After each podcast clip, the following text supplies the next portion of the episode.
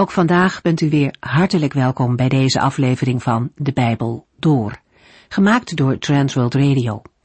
Voor meer informatie kijkt u dan op onze website transworldradio.nl. In deze serie gaat u in vijf jaar tijd met ons de Bijbel door, van Genesis 1 tot en met het laatste vers in Openbaring 22. We zijn in deze serie bezig met de woorden van de profeet Ezekiel. Hoofdstuk 21 is een zwaar hoofdstuk. Het gaat over het oordeel van de Heere dat hij in Jeruzalem zal aanrichten. We hebben gelezen over de vreselijke oorlog waar de inwoners van Jeruzalem mee te maken krijgen. Een bloedbad. Na de verschrikkingen die worden beschreven, schijnt door deze profetie ineens een lichtstraal van hoop. Jeruzalem zal veranderen in een grote puinhoop, zegt de profeet. Hij herhaalt het woord drie keer, zodat het flink nadruk krijgt. Maar zo zal het niet eindigen met de stad van God. De Heere laat weten dat het zo zal zijn, totdat Hij komt aan wie ik het oordeel toevertrouw. En daarmee wordt al vooruitgewezen naar de komst van de Messias. Hij zal voortkomen uit het overblijfsel dat terug zal keren uit Babel en dat de tempel zal herbouwen. In Ezekiel 22 somt de profeet de zonden van Jeruzalem op. Hij maakt ze in het openbaar bekend. Het is een dramatische lijst. De stad is vol afgoderij. Er is veel geweld en onderdrukking. Kwetsbare mensen, zoals weduwen en wezen, worden niet ontzien. Vreemdelingen hebben met geweld te maken. Allerlei vormen van overspel en ontucht zijn gewoon geworden en zo noemt de profeet een heel aantal concrete voorbeelden. De opsomming eindigt met de trieste conclusie van de Heere, maar mij vergeet u. Het volk dwaalt af van de Heere, en dat heeft een uitwerking in de omgang met elkaar. Afgoderij gaat voortdurend samen met sociaal onrecht. De Heere heeft gezocht naar iemand die op de bres zou kunnen staan voor het zondige volk en hen de weg terug zou kunnen wijzen naar de Heere.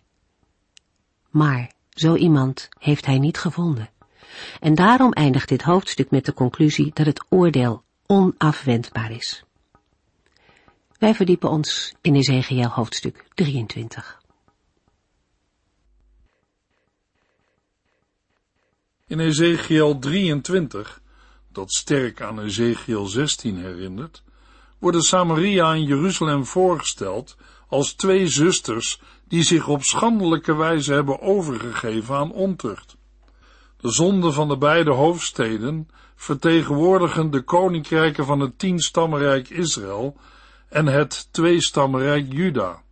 Hun zonde en slechtheid wordt breedvoerig en realistisch beschreven. Daarbij klinkt de duidelijke verzekering dat de Heere hen daarvoor zal straffen. Ezekiel 23 vers 1 tot en met 4 Opnieuw kreeg ik een boodschap van de Heere. Mensenzoon, er waren eens twee zusters die zich vanaf hun jeugd als prostituees in Egypte hadden aangeboden. In dat land werden hun maagdelijke borsten voor het eerst gekust en betast. De oudste heette Ohola, haar zuster Oholiba. Ik heb het nu over Samaria en Jeruzalem. Net als in Ezekiel 20 vers 8 wordt Israël in Ezekiel 23 herinnerd aan hun geestelijk overspel met andere goden. De wortels voor het bedrijven van afgoderij en het zich aanpassen bij een heidense manier van leven liggen in Egypte. Ook al was er toen nog geen sprake van twee koninkrijken die door twee steden, Samaria en Jeruzalem, werden vertegenwoordigd. Ezekiel gaat in Ezekiel 23 ook door met het noemen van de redenen waarom Gods oordeel over Israël komt. Hij doet dat door nog een gelijkenis te vertellen. Die gelijkenis heeft hij niet zelf bedacht, maar ontvangt hij van de Heere. De twee koninkrijken worden door de Heere vergeleken met twee zusters die zich vanaf hun jeugd als prostituees in Egypte hadden aangeboden. De trotse inwoners van Jeruzalem hadden lang hun zusterstad Samaria veracht. Zij dachten dat ze beter waren. Maar de Heere noemt beide steden prostituees, en dat was een schok voor de inwoners van Jeruzalem. Zij konden toch niet gelijkgesteld worden met het overspelige Samaria. Zij waren toch te rechtvaardigen. De Heere geeft de zusters beide een naam. De oudste heette Ohola en haar zuster Oholiba. Ohola betekent haar tent en staat voor het noordelijke rijk Israël. Zij werden van de Heere weggelokt door aantrekkelijke Assyriërs, door hun stijlvolle kleding en machtige posities. Het volk zette zijn zinnen op jeugd, kracht, macht, welvaart en plezier. Bijzonder actueel, want ook vandaag vinden veel mensen dezelfde dingen belangrijk en symbool voor het brengen van geluk. Maar de levensstijl van de Assyriërs lokte Israël bij de Heren vandaan. Ezekiel 23 vers 5 tot en met 10 Ik trouwde met hen en zij gaven mij zonen en dochters. Maar toen verkocht Ohola zich als prostituee aan anderen, terwijl ze nog van mij was, en ze schonk haar liefde aan de Assyriërs, haar buren. Dat waren allemaal aantrekkelijke jonge soldaten, bevelhebbers en commandanten, gekleed in prachtige blauwe kleding en geoefende ruiters. Zo zondigde zij met hen, de beste mannen van Assyrië, en verontreinigde zichzelf door afgoden te aanbidden. Want toen zij Egypte verliet, nam zij haar overspelige aard met zich mee. Zij was nog even sluw als in haar jeugd, toen de Egyptenaren al met haar naar bed gingen, hun lusten op haar bot vierden en haar beroofden van haar maagdelijkheid. Daarom leverde ik haar uit aan de Assyriërs en hun afgoden van wie zij zo hield. Zij trokken haar de kleren uit en doden haar en namen haar kinderen mee als slaven. Iedere vrouw in het land kende haar naam als die van een zondares die haar verdiende loon had gekregen. Dat Ohola met de Heere getrouwd was, ziet op het verbond tussen de Heere en Israël, getekend met het beeld van een huwelijk. Het verbreken van de trouw aan de Heere en het vereren van afgoden wordt vaker in de Bijbel voorgesteld als geestelijk overspel. Met het noemen van de Assyriërs beschrijft Ezekiel de tweede periode uit de geschiedenis van het tienstammenrijk. Die periode begint wanneer het tienstammenrijk politieke steun gaat zoeken bij Assyrië. Koning Jehu was de eerste die hulp bij hen zocht. Na hem deed Menachem dat nog meer.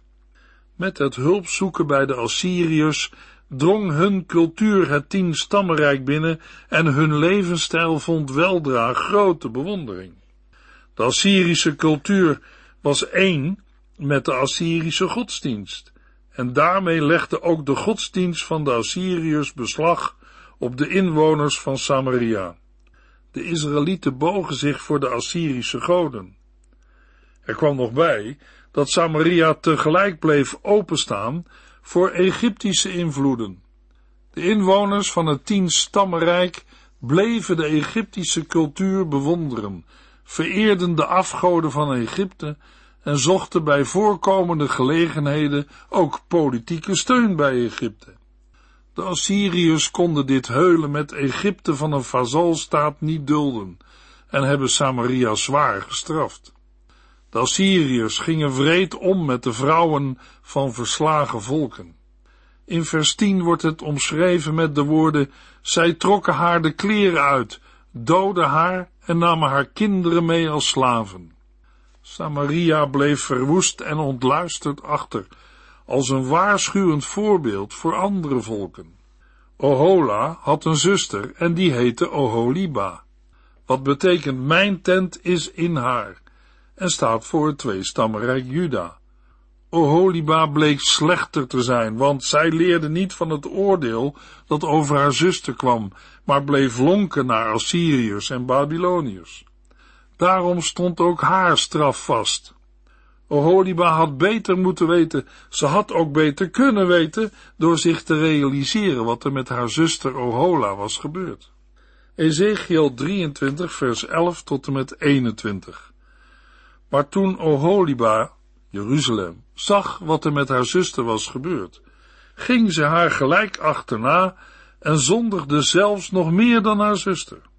Ook zij begon te lonken naar haar Assyrische buren, die knappe jonge mannen op hun mooie paarden, die legeraanvoerders in hun schitterende uniformen, stuk voor stuk aantrekkelijke mannen. Ik zag dat zij dezelfde heilloze weg opging als haar oudere zuster. Zij was in feite nog meer ontaard dan Ohola, want zij werd verliefd op figuren die op een muur waren geschilderd. Afbeeldingen van Babylonische legeraanvoerders in strakke rode uniformen, met prachtige gordels en mooie tulbanden op het hoofd. Toen zij die afbeeldingen zag, verlangde zij erna zich aan die afgebeelde mannen te geven. Daarom stuurde zij boodschappers naar Chaldea om hen bij haar uit te nodigen. Ze gaven gehoor aan haar uitnodiging en pleegden overspel met haar. Zij onteerden haar in het liefdesbed, maar daarna begon zij hen te haten en verbrak alle betrekking met hen. En ik walgde van haar, net zoals ik van haar zuster had gewalgd, omdat zij schaamteloos met hen flirte en zich overgaf aan hun lusten. Maar dat deed haar niets. Zij begon zelfs op nog grotere schaal prostitutie te bedrijven, toen zij zich de tijd herinnerde dat zij op prostituee in Egypte was. Daar leefde zij zich uit met mannen die zich lieten leiden door dierlijke driften. En zo verviel u weer in de schandaden van vroeger, toen u uw maagdelijkheid aan de Egyptenaren gaf. O Holiba, Jeruzalem, liet zich door het afschrikwekkende voorbeeld van Samaria niet weerhouden dezelfde zondige weg te gaan als haar zuster Ohola. Zij overtrof haar zuster zelfs in boosheid. Net als Samaria zocht Jeruzalem hulp bij Assyrië. Ook voor hen betekende een bondgenootschap met Assyrië een aanvaarding van de Assyrische afgodendienst. Daardoor werd ook het tweestammenrijk Juda verontreinigd. Deze verontreiniging bereikte haar hoogtepunt toen tijdens de regering van Agas een Assyrisch altaar in de tempel in Jeruzalem werd geplaatst. En onder Manasse de Assyrische goden openlijk werden vereerd. Oholiba was nog meer ontaard dan haar zuster. We lazen erover in Ezekiel 16. In vers 16 noemt Ezekiel Chaldea, een verwijzing naar de Galdeën. De Galdeën waren het eigenlijke volk van Nebukadnessar en vormden de kern van het nieuw Babylonische koninkrijk. Jeruzalem wilde een bondgenootschap met Babylonië, maar het werd voor Juda een vernedering en ontering. Zij verbraken alle betrekkingen met Babylonië en zochten hulp bij Egypte. Maar Juda verviel weer in de schandaden van vroeger, toen zij hun maagdelijkheid aan de Egyptenaren gaven. In Ezekiel 23, vers 22 tot en met 27 lezen we een voorzegging van de laatste aanval op Jeruzalem in 586 voor Christus, waarbij de stad verwoest zou worden en de derde golf ballingen naar Babel zou worden gebracht. De eerste aanval vond plaats in 605 voor Christus en de tweede in 597 voor Christus. Met de woorden de mannen van Pekot, Soa en Koa waren Babylonische bondgenoten. De genoemde vijanden en hun bondgenoten zullen het oordeel over Juda uitvoeren volgens hun eigen wrede oorlogsrecht. Zoals een jaloerse echtgenoot handelt met zijn overspelige vrouw, zal de Heere met Juda en Jeruzalem handelen. Hij geeft hen over aan de vernederingen en wreedheden van hen voor wie het de dienst van de Heere heeft verlaten. Het afsnijden van de oren en de neus verwijst naar de lugubere straf die in Egypte werd toegepast op overspeelsters.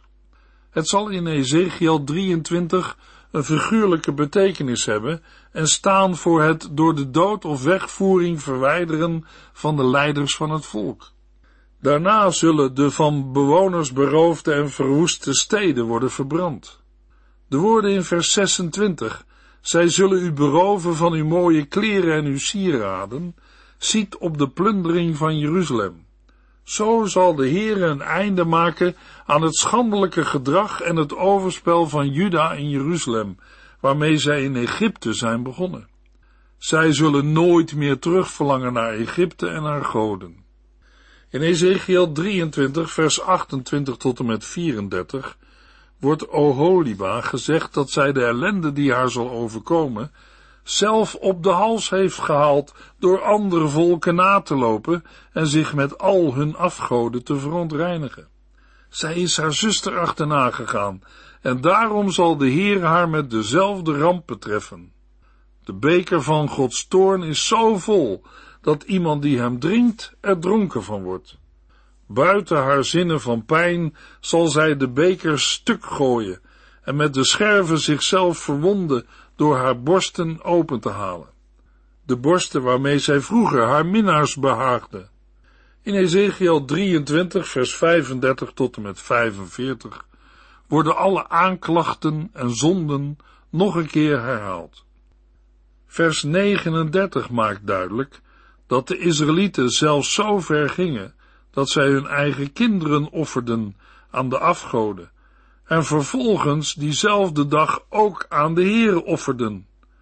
Daardoor werd de eredienst in de tempel een bespotting en de Heere op het diepst gekwetst en beledigd. In vers 45 lezen we, maar de rechtvaardigen zullen hen ontmaskeren, en dan zal blijken dat zij overspeligen en moordenaars zijn, want er kleeft bloed aan hun handen. Zij zullen tegen hen de straffen uitspreken die de wet voorschrijft. De wet van de Heere schreef voor dat in Israël mensen die overspel pleegden met de dood moesten worden gestraft. In Ezekiel 23, vers 46 tot en met 49 lezen we hoe de Heere zijn oordeel uitvoert door het leger van Nebukadnessar. Vers 48 en 49. Zo zal ik afrekenen met de schandelijke daden en de afgoderij in dit land. Mijn oordeel zal voor alle vrouwen die het zien een waarschuwing zijn uw voorbeeld niet te volgen, want u zult volledig moeten betalen voor uw ontucht, uw afgodenverering. U zult zwaar moeten boeten, en zo zult u tot erkenning komen dat alleen ik, de Heere, God ben. Het is de zonde van afgoderij die het oordeel van de Heere over Samaria en Jeruzalem brengt. De Heere doet wat hij zegt, niet alleen met betrekking tot beloofde zegeningen, maar ook met de vooraf aangekondigde sancties bij overtreding van zijn wetten. Luisteraar, ik word er stil van, en in mijn hart komt het gebed op. Heere, doe niet met mij naar mijn overtredingen, maar naar uw barmhartigheid en genade. Door zijn genade mag ik Christus zien en weten, hij heeft voor mij verzoening bewerkt, want zijn bloed is een volkomen verzoening van al mijn zonden. Is dat ook uw beleidenis en getuigenis? We lezen verder in Ezekiel 24. De profetie in hoofdstuk 24 ontvangt de profeet op het moment dat de koning van Babel begonnen is aan de belegering van Jeruzalem. Ezekiel 24, vers 1 en 2. Op de tiende dag van de tiende maand, in het negende jaar van koning Joachins gevangenschap, kreeg ik opnieuw een boodschap van de Heere. Mensenzoon, zei hij, noteer deze datum, want vandaag is de koning van Babel begonnen aan de belegering van Jeruzalem. Ezekiel 24, vers 3 tot en met 5. Vertel nu het volgende raadsel aan deze opstandige Israëlieten. Zeg hun dat de oppermachtige Heere zegt, zet een pot met water op het vuur en breng die aan de kook. Vul hem met het beste schapenvlees, de lende en schouder, en wel van de beste schapen van de kudde, en stapel brandhout op het vuur onder de pot. Kook het net zo lang, totdat het vlees van de beenderen valt. Ezekiel gebruikt een vergelijking. In Ezekiel 11, vers 3 hebben we gelezen dat vooraanstaande mannen in Jeruzalem tegen de mensen zeiden: Dit is het moment om Jeruzalem weer op te bouwen, want onze stad is als een ijzeren schild dat ons tegen alle gevaar zal beschermen. Deze vooraanstaande mannen waren van mening dat zij in Jeruzalem veilig zouden zijn, zoals het vlees in de ijzeren pot veilig is voor het vuur. Maar Ezekiel moet doorgeven dat het heel anders zal lopen. Ezekiel 24 vers 6. Want de oppermachtige Heere zegt, Wee Jeruzalem, stad van moordenaars, u bent de roestige pot, smerig door de goddeloosheid. Haal het vlees er stuk voor stuk uit. De volgorde is niet belangrijk, geen enkel stuk is beter dan het andere. De op het vuur staande pot verbeeldt de belegerde stad. Dat het vlees er stuk voor stuk moet worden uitgehaald, betekent dat de inwoners uit de stad zullen worden verwijderd. Het oordeel zal heel Jeruzalem treffen. Alle die niet omkomen zullen in ballingschap worden weggevoerd. De versen 7 tot en met 12 maken duidelijk dat alles in de pot door het vuur verteert en verbrandt. Zo zal heel de bevolking van Jeruzalem door de hitte van Gods toorn worden vernietigd. De aankondiging van het oordeel is in vers 14 nog strenger dan in vers 5. Ezekiel 24, vers 15 tot en met 18. Hierna sprak de Heer opnieuw in een boodschap tegen mij, en hij zei, Mensenzoon, door een plotselinge dood ga ik van u wegnemen wat u het dierbaarst is. Toch moet u niets van uw verdriet laten blijken. Huil niet, verberg uw tranen. U mag zuchten, maar alleen zachtjes. U mag niet openlijk rouwen. Ontbloot uw hoofd of uw voeten niet en neem het voedsel niet aan dat meelevende vrienden u brengen. S'morgens vertelde ik dit aan de mensen en die avond stierf mijn vrouw.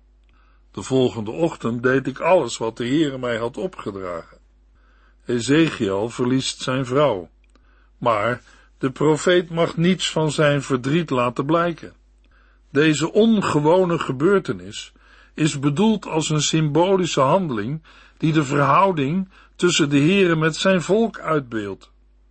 Ezekiel is gehoorzaam aan de opdracht van de Heere, terwijl er een zwaard door zijn ziel moet zijn gegaan. Luisteraar, op het scherpst van de snede wordt hier duidelijk dat gehoorzaamheid aan de Heere geen gemakkelijke zaak is en je veel kan kosten.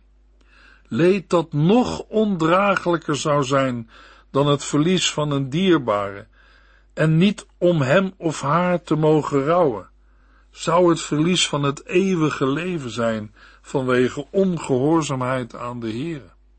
In Ezekiel 24, vers 20 tot en met 24 wordt duidelijk dat Ezekiel niet om zijn gestorven vrouw mocht rouwen, om zijn medeballingen duidelijk te maken dat zij niet over Jeruzalem mochten rouwen.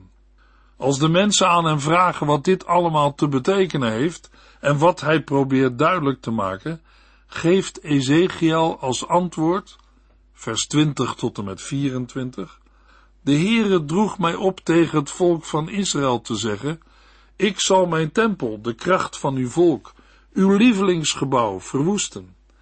En uw zonen en dochters die in Jeruzalem zijn achtergebleven, zullen met het zwaard worden afgeslacht. En u moet mijn voorbeeld volgen. U mag niet in het openbaar rouwen of uzelf troosten door te eten van voedsel dat meelevende vrienden u hebben gebracht. U mag uw hoofd en uw voeten niet ontbloten. U mag niet klagen of huilen. Maar wel zult u elkaar beklagen vanwege uw zonden. En als u alleen bent, zult u wegkwijnen van verdriet en rouwen om al het kwaad dat u hebt gedaan. Ezekiel is een voorbeeld voor u, zegt de oppermachtige Heere. U moet doen wat hij heeft gedaan. En wanneer dat moment aanbreekt, zult u inzien dat ik de Heere ben. Met alles wat Ezekiel overkwam, moest de profeet een boodschap aan de Israëlieten doorgeven. Terwijl Ezekiel deze woorden van de Heere doorgaf, werd Jeruzalem al belegerd. Later, in Ezekiel 33 vers 21 lezen we, in het twaalfde jaar van onze ballingschap, op de vijfde dag van de tiende maand, kwam een van hen, die uit Jeruzalem waren ontsnapt, mij vertellen dat de stad was gevallen. Ezekiel 24, vers 25 tot en met 27. Mensenzoon, op een dag zal ik ophouden met hen in Jeruzalem te beroven van hun blijde harten en hun glorie en vreugde, hun vrouwen, zonen en dochters. Op diezelfde dag zullen de ooggetuigen vanuit Jeruzalem op weg gaan naar u in Babel om te vertellen wat er is gebeurd. En op de dag dat zij aankomen, zult u plotseling uw stem terugkrijgen, zodat u met hen kunt praten. U zult een levend voorbeeld en een teken voor deze mensen worden, en zij zullen moeten toegeven dat ik de Heere ben. Wanneer de opstandige Israëlieten in hun verdriet over de verwoesting van Jeruzalem en de tempel zullen verstommen, zal Ezekiel, waarvan we in Ezekiel 3 vers 26 lazen, dat hij alleen dat mocht zeggen wat de Heer hem ingaf, weer vrijheid kunnen spreken. Dat moment lazen we in Ezekiel 33 vers 21. Dan zal Ezekiel op indrukwekkende wijze worden bevestigd in zijn ambt als profeet en wachter over Israël. Want de val van Jeruzalem bevestigt al de visioenen en profetieën die de profeet van de Heere mocht ontvangen en mocht doorgeven aan zijn landgenoten. In zijn zwijgen en in zijn spreken mag de profeet een voorbeeld voor zijn volk zijn. Het zwijgverbod voor Ezekiel verviel als Jeruzalem was verwoest en al Ezekiels profetieën over Juda en Jeruzalem waren uitgekomen. De Heere zegt in Ezekiel 24 vers 27 en op de dag dat zij aankomen zult u plotseling uw stem terugkrijgen, zodat u met hen kunt praten. U zult een levend voorbeeld en een teken voor deze mensen worden, en zij zullen moeten toegeven dat ik de Heere ben. Wat moet er in het leven van een mens gebeuren, voordat hij of zij toegeeft dat er maar één God is? Dat we instemmen en toegeven dat de Heere God is, de God van Israël, de God en Vader van onze Heer Jezus Christus, de drie-enige God, de Vader, de Zoon en de Heilige Geest. Het beleg om Jeruzalem heeft ruim anderhalf jaar geduurd. Dat betekent ook dat Ezekiel ruim anderhalf jaar heeft gezwegen. Na die tijd is duidelijk geworden wie de ware profeten waren, namelijk Jeremia en Ezekiel. Hiermee hebben we de eerste helft van het Bijbelboek Ezekiel doorgelezen. In de volgende uitzending maken we een begin met de tweede helft van het Bijbelboek en lezen Ezekiel 25 en 26. U heeft geluisterd naar De Bijbel Door, in het Nederlands vertaald en bewerkt door Transworld Radio. Een programma waarin we in vijf jaar tijd de hele Bijbel doorgaan. Als u wilt reageren op deze uitzending of u heeft vragen, dan kunt u contact met ons opnemen. Tijdens kantooruren kunt u bellen op 0342 47 8432. 0342 47 8432. Ook kunt u een e-mail sturen naar de Bijbel door transworldradio.nl en natuurlijk kunt u ook via de post ons bereiken. TWR, postbus 371, postcode 3770, AJ in Barneveld. Dit programma werd gepresenteerd door Cor Weda en Ike André.